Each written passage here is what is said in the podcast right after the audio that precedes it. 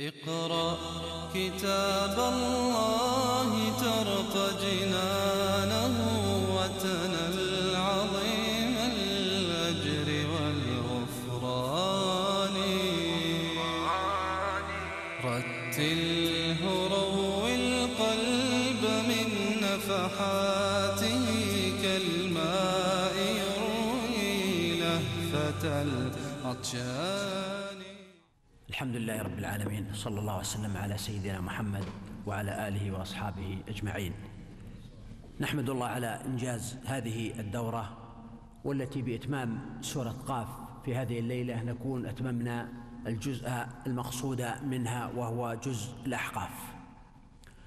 وسورة قاف هي أول المفصل كما هو معروف عند العلماء. فالمفصل هو آخر القرآن من سورة الحجرات أو من سورة قاف في عشرة أقوال إلى سورة من الج... قل أعوذ برب الناس وقوله من الجنة والناس. فهذا يسمى المفصل وهو حزب في القرآن الكريم. كان الصحابة يقرؤونه في ليلة. وقد سئل بعض الصحابة كما في حديث أوس رضي الله عنه كيف كنتم تحزبون القرآن أو تقرؤون القرآن؟ فقال ثلاثا يعني سورة البقرة وآل عمران والنساء وخمسا وسبعا وتسعا وإحدى عشرة وثلاث عشرة سور يعني والمفصل. فهذا هو التحزيب الذي كان الصحابة يعتمدونه وهو لمن أراد أن يختم القرآن في سبعة أيام أيضا يقرأ بهذه الطريقة. اسمها قاف أو قاف والقرآن المجيد وبذلك سماها الصحابة رضي الله عنهم ولا يعرف لها اسم غيره وقد ذكر السيوطي في الإتقان أنها تسمى سورة الباسقات والنخل باسقات وهذا لا يعرف لغيره. وعدد آياتها خمس وأربعون باتفاق علماء العد وهي سورة مكية أيضا بالإجماع كما ذكره غير واحد من المفسرين. وروي عن ابن عباس أنه قال إن قوله تعالى ولقد خلقنا السماوات والأرض وما بينهما في ستة أيام وما مسنا من لغوب. أن ذلك مدني لأنه كان ردا على ادعاء اليهود الذين قالوا إن الله خلق السماوات والأرض في ستة أيام ثم استراح يوم السبت فرد الله عليهم. والصحيح أن هذه الآية وإن كانت واردة في هذا المعنى إلا أنها مكية. وحكايات اليهود وأخبارهم ليست مقصورة على المدينة فكانوا يترددون على مكة ويختلطون بالعرب ويعرفونهم وينقلون مثل هذا الكلام. اذا فالسوره مكية تبدأ بقوله تعالى قاف مثل صاد من الحروف المقطعة وهو حرف واحد. يعني هذا اسم الحرف الهجائي فهو حرف اسمه قاف ولكنه ينطق قاء كما في قوله والقرآن. فقوله قاف بالقاف والألف والفاء دليل على أن هذا إشارة للحرف المعروف في الهجاء وليس شيئا آخر. مثل صاد إشارة للحرف الهجائي صاد ضاد. ومن الخطأ أن يظن البعض أو ينقل في بعض كتب التفسير أن قاف هو جبل محيط بالأرض والأرض متصلة به وأعراق الأرض وأن الله إذا أراد أن يزلزل قرية زلزل الجزء الخاص بها من هذا الجبل فاهتزت الأرض. فهذا كله اولا مما لم يرد في كتاب ولا سنة ولا ثبت بأثر صحيح. وأيضا هو غلط مجافي للواقع. ومن الخطأ الكبير أن نقدم أحيانا معلومات مغلوطة عن الكون أو عن الفلك أو عن الإنسان ونسوقها مساق تفسير القرآن الكريم. لأن هذا من شأنه أن يوجد شكا وريبا عند كثير من الأجيال الذين يأتي مدرس الدين فيقدم لهم معلومات يظن أنها يظنون أنها كلمة الله. ثم يأتي مدرس الجغرافيا مثلا أو مدرس الرياضيات أو مدرس الفيزياء ليقدم لهم معلومات علمية وحقائق مجافية لها فيظنون أن هذا هو العلم وانما ثار الناس على الكنيسة لما اعتمدت أقوالا منافية للعلم وثبت ثبتت الحقائق العلمية بخلافها. أما القرآن فهو تنزيل من حكيم حميد لا يأتيه الباطل من بين يديه ولا من خلفه. فمن الخطأ أن تساق مثل هذه الأقوال في كتب التفسير على أنها تفسير لكلام الله عز وجل. وإنما هو حرف أقسم الله به مثل نون مثل صاد مثل غير ذلك من الحروف كما بينا في أول هذا الجزء. والقرآن المجيد.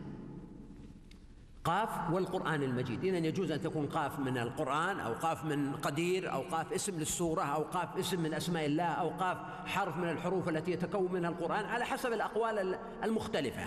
فيقسم الله تعالى بالقرآن المجيد. وإنما أقسم الله بالقرآن لأنه كان موضع شك عند هؤلاء المكذبين. وسماه المجيد فهو يسمى القرآن باعتباره مقروءا ويسمى الكتاب باعتباره مكتوبا وهذه ميزة للقرآن أنه يقرأ ويكتب. فالقراءة تسمعها الآذان وتستحسن وتستعذب ألفاظه ومعانيه. وأما الكتابة فهو مكتوب تقرأه العيون فتكون أكثر تدبرا في بعض الأحيان ومراجعة لألفاظه ومعانيه. والقرآن المجيد يعني صاحب المجد. فمجد القرآن عظمته وكماله وإحكامه وآخريته كونه ناسخا لما قبله من الكتب السماوية. فهذا هو مجد القرآن والقرآن المجيد. فيقسم الله تعالى بالقرآن المجيد ولا يذكر المقسم ما هو. والواقع أن المقسم عليه هو من جنس ما ورد كما في سورة ياسين والقرآن الحكيم إنك لمن المرسلين فكأنه قاف قال قاف والقرآن المجيد إنك لمن المرسلين أو إن البعث لحق أو ما أشبه ذلك من المعاني الواردة في السورة. والسورة تدور حول معنيين أساسيين موضوع الألوهية وموضوع البعث. إن قاف والقرآن المجيد بل عجبوا أن جاءهم منذر منهم. بل هنا للإضراب. يعني عما كفروا به الله تعالى يضرب عن هذا المعنى وينتقل إلى بيان سبب ما جرى منهم من التكذيب فيقول بل عجبوا أن جاءهم منذر منهم. فكان أول الأمر عندهم تعجبا واستغرابا لأن يأتي منذر من الناس. وذلك لأنهم يظنون أن البشر ليسوا أهلا. لأن يختار الله منهم رسولا وإنما ينبغي أن يكون الرسول ملائكيا. فالله تعالى ينعي عليهم هذا المعنى وأن الناس يمكن أن يوجد منهم رسول وأن يبعث منهم مبعوث. وأيضا بل عجبوا أن جاءهم منذر منهم ربما يكون من جنس العرب لأنهم لم يتعودوا لتنذر قوما ما أنذر آباؤهم فهم غافلون. فهم تعجبوا من هذا وقالوا هذا شيء عجيب. هم تعجبوا من الأمر ونطقوا بالعجب وقالوا هذا شيء عجيب. يعني ما جئت به. وجودك عجيب أن تكون رسولا بشريا وما جئت به عجيب أيضا. أإذا متنا وكنا ترابا. ذلك رجع بعيد. فانتقلوا من العجب إلى الاستبعاد. وهذه مرحلة ثانية. أإذا متنا وكنا ترابا فهم يعرفون أن الموت حق كما تعرفه حتى الدواب والبهائم. وكنا ترابا وأيضا هم يدرون أنهم يصيرون ترابا ويشاهدون هذا عيانا.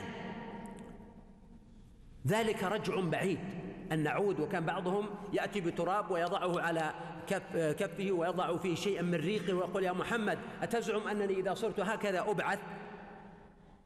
ذلك رجع بعيد يعني رجوع أو عود بعيد مستبعد في في العقول عندهم. وأنا لم يقولوا بعيد في العقول لأن العقول لا تؤيد ولا تشهد لما يقولون. لكن هم يقولون بعيد لأنه غير مألوف.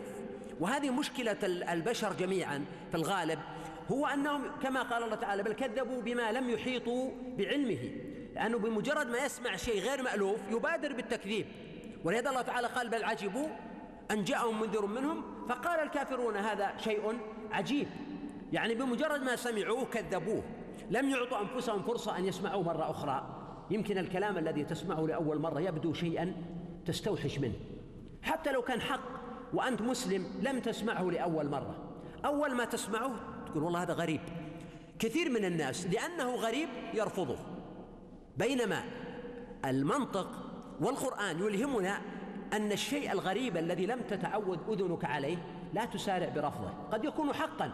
فإما أن تكذب بحق أو تصدق بباطل فلا تسارع بالتكذيب ولا بالتصديق أيضا ما لم يكن عندك دليل. اصبر وتأن وربما تسمع الكلام مرة أخرى أو ثالثة وتعرضه على قلبك وعقلك فتتقبله أو ترفضه. أما هؤلاء الناس فهم بمجرد ما سمعوه أنكروا وقالوا أإذا متنا وكنا ترابا. ذلك رجع بعيد. بعيد بإيش؟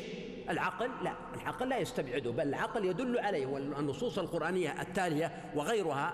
تدل على أن هذا الأمر ممكن وجائز في العقول وليس محالا.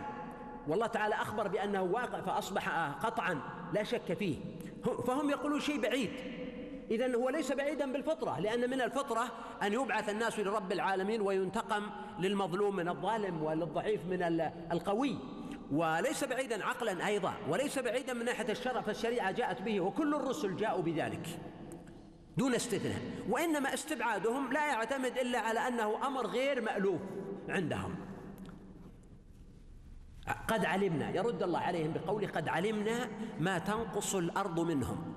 فالله تعالى هنا هم لما يقول إذا متنا جابوها كلمة عابرة ولو وقفوا عنده طويلا ربما قادتهم إلى الله سبحانه وتعالى. وفي ذلك نوع من الاحتجاج عليهم لأنهم لما يقولون متنا وكنا ترابا.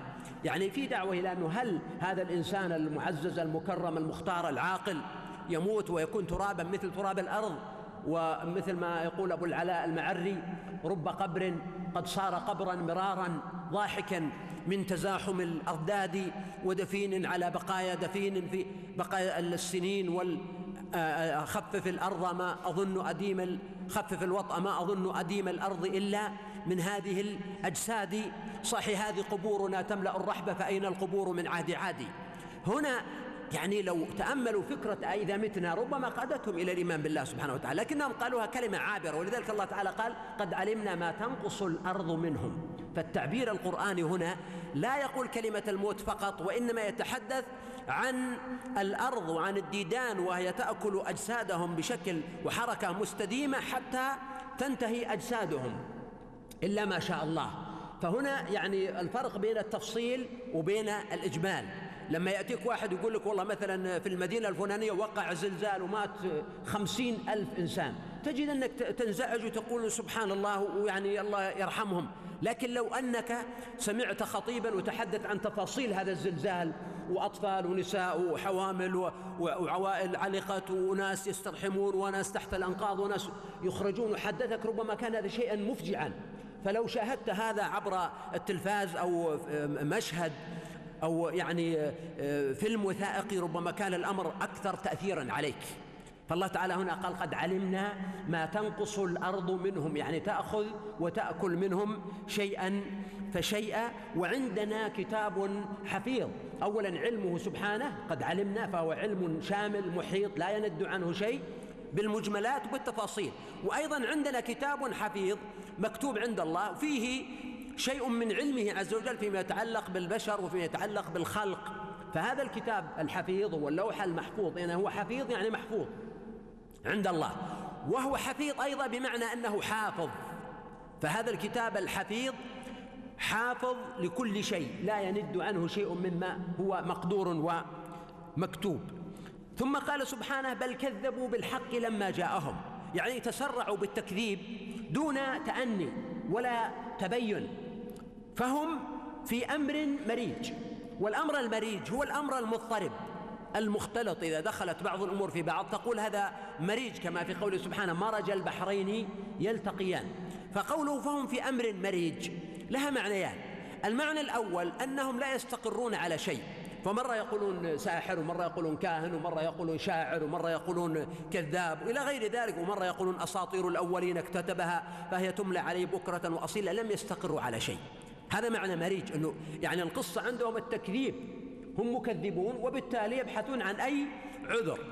المعنى الثاني أن قوله فهم في أمر مريج أنهم انتقلوا من التعجب هذا شيء عجيب إلى الاستبعاد ذلك رجع بعيد ثم إلى التكذيب بل كذبوا بالحق لما جاءهم.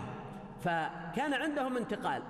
والواقع أن الإنسان العاقل إن وقع منه استغراب لشيء وهذا الشيء كان حقا فالعقل يقتضي أنه ينتقل من التعجب ليس إلى الشك المطلق وإنما إلى البحث.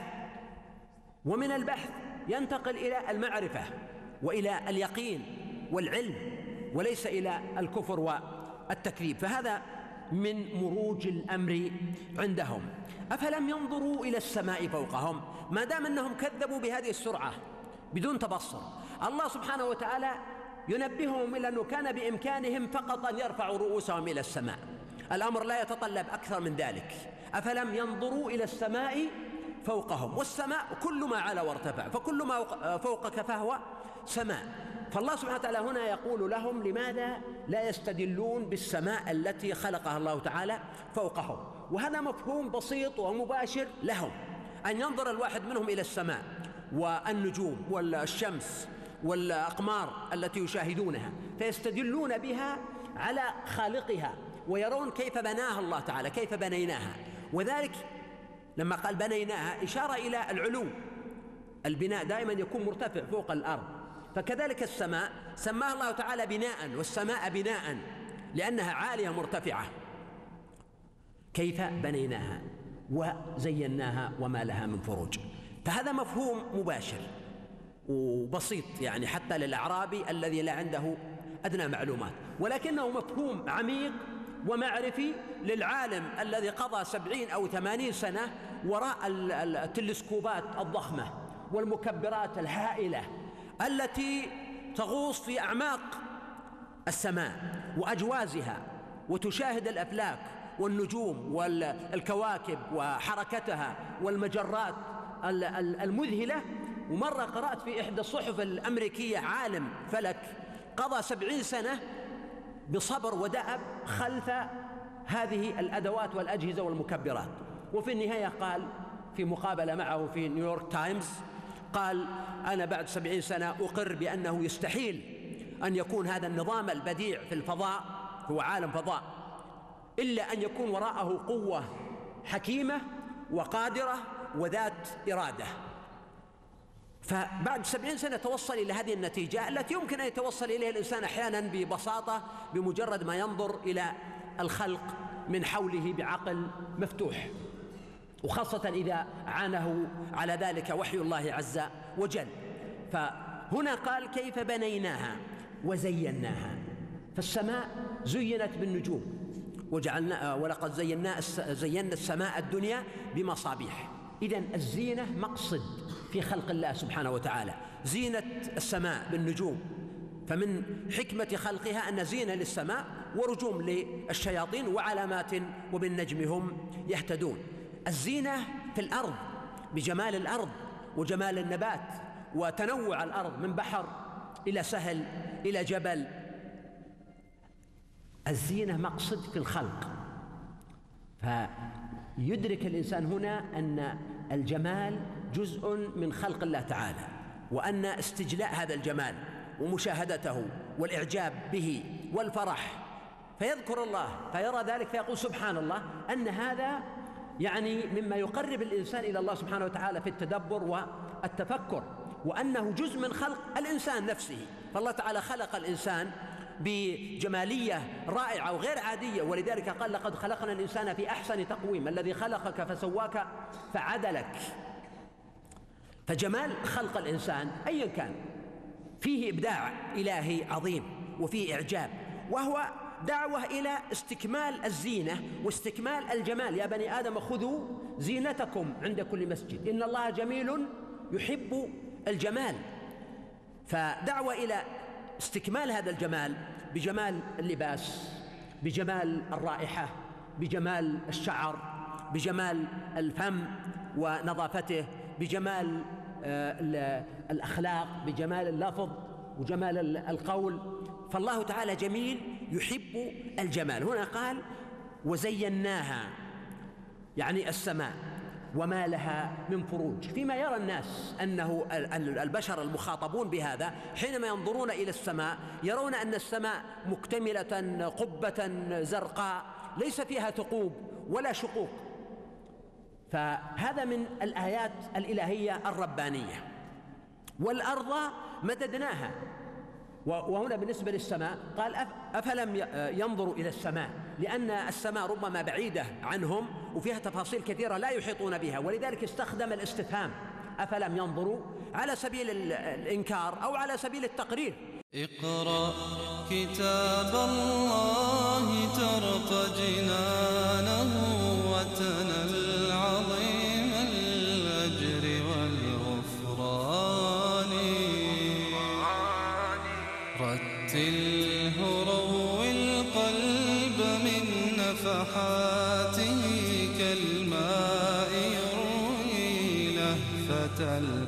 كالماء يروي لهفة العطشان